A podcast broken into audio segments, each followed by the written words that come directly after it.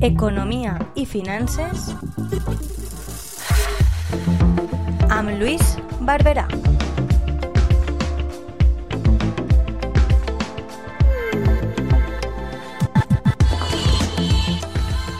Hola de nuevo amigos y amigas de la Tuba Radio. Un mes más nos encontramos en estas ondas tan especiales de una radio digital para comentar sobre qué podemos esperar en el próximo ejercicio del 2022 económicamente hablando. De principio va a ser un año crucial, una especie de bisagra entre una época y otra. El 2021 quedará como un simple año de transición, con el impacto de la vacunación en los países y la reactivación de las economías de Estados Unidos y de Europa, pues China con visión de futuro empezó antes debido al eh, cierre de, bastante exportación por la pandemia y también por su enfrentamiento eh, con los Estados Unidos. De todas formas, hay que apuntar algunos peligros que pueden hacer peligrar eh, la economía en este 2022, sobre todo a nivel de nuestro, nuestro país. En este caso, eh, vamos a ver alguno de ellos. Eh, no sé, por ejemplo, el aguantar el poder adquisitivo de pensionistas y trabajadores. Para ello debemos llegar a conseguir que España eh, fuera puntera en digitalización, en nuevas tecnologías, etc., se puede asegurar que el sueldo de los trabajadores en, en un país de esas características no sería bajo en absoluto y que las pensiones serían altas en general. En cambio, si seguimos siendo un país basado en el turismo, en grandes masas de turistas y además de baja calidad, pues nos vamos a autosumir en la precariedad y, además, y además nos cargaremos, si valga la expresión, nuestro medio ambiente inexorablemente. España debe aprovechar los fondos eh, Nueva Generación de la Unión Europea para aprovechar este cambio que realmente vamos a entrar en un cuarto ciclo económico eh, para reactivar su economía y modificar eh, su sistema productivo. Eh, tenemos también otro peligro latente, este para mí es el más importante, es la previsible subida de tipos de interés.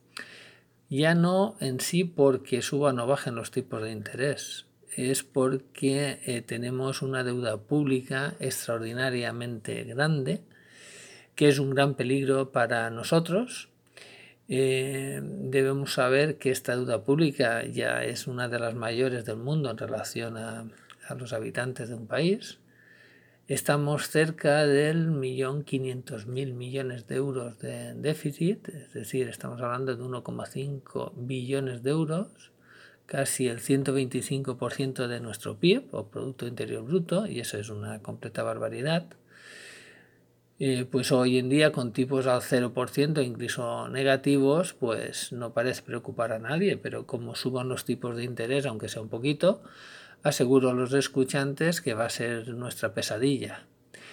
Solo tiene uno que pensar en su hipoteca actual, con su recibo actual, cómo quedaría si el importe mensual eh, subiera porque aumentara el tipo dos puntos básicos pues apliquémoslo a un billón y medio de euros y nos desmayaríamos al instante.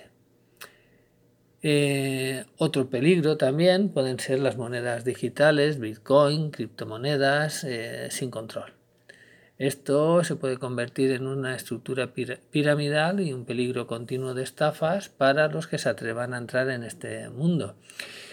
Es un momento que se deben de extremar medidas o se entra en el sistema por parte de, los gobiernos. China parece que está en ello.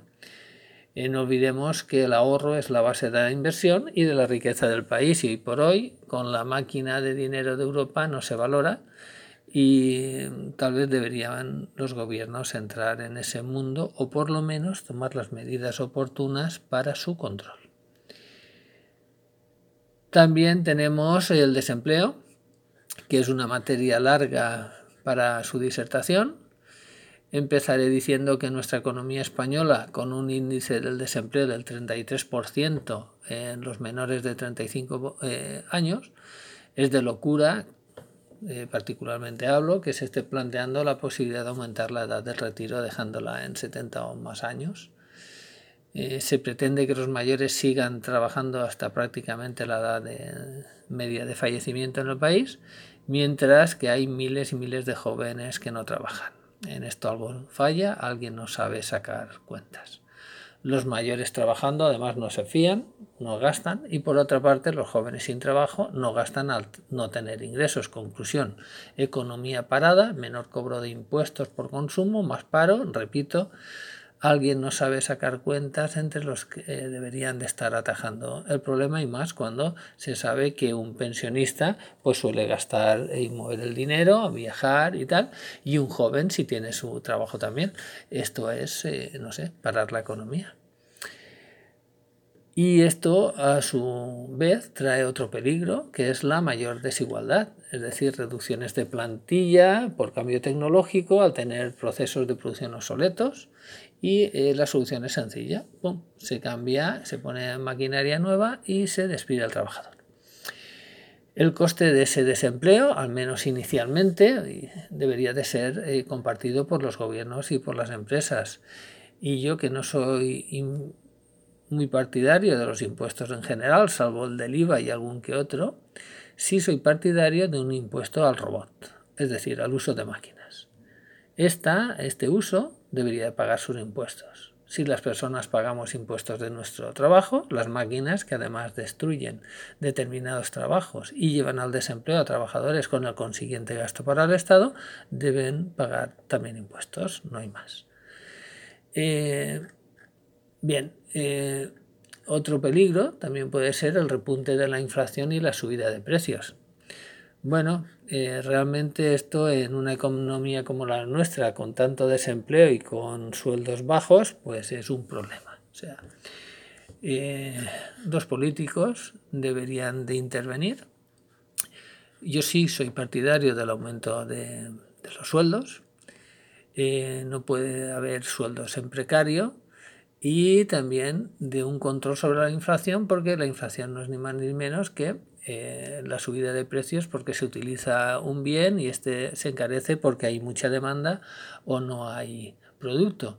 Pero eh, si se sigue comprando, pues seguirá subiendo, pero si se deja de comprar con avidez y además se vuelve a recargar el producto, al final el precio se regula por sí mismo, o sea que la inflación hasta cierto punto puede ser eh, controlada por el gobierno de turno.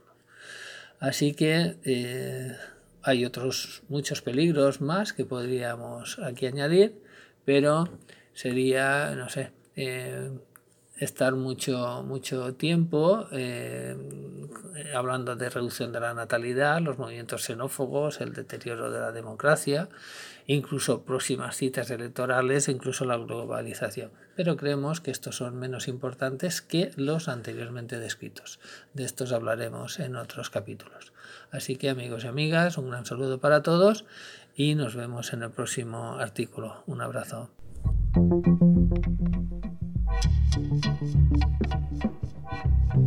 Economía y finanzas amb Luis Barberà.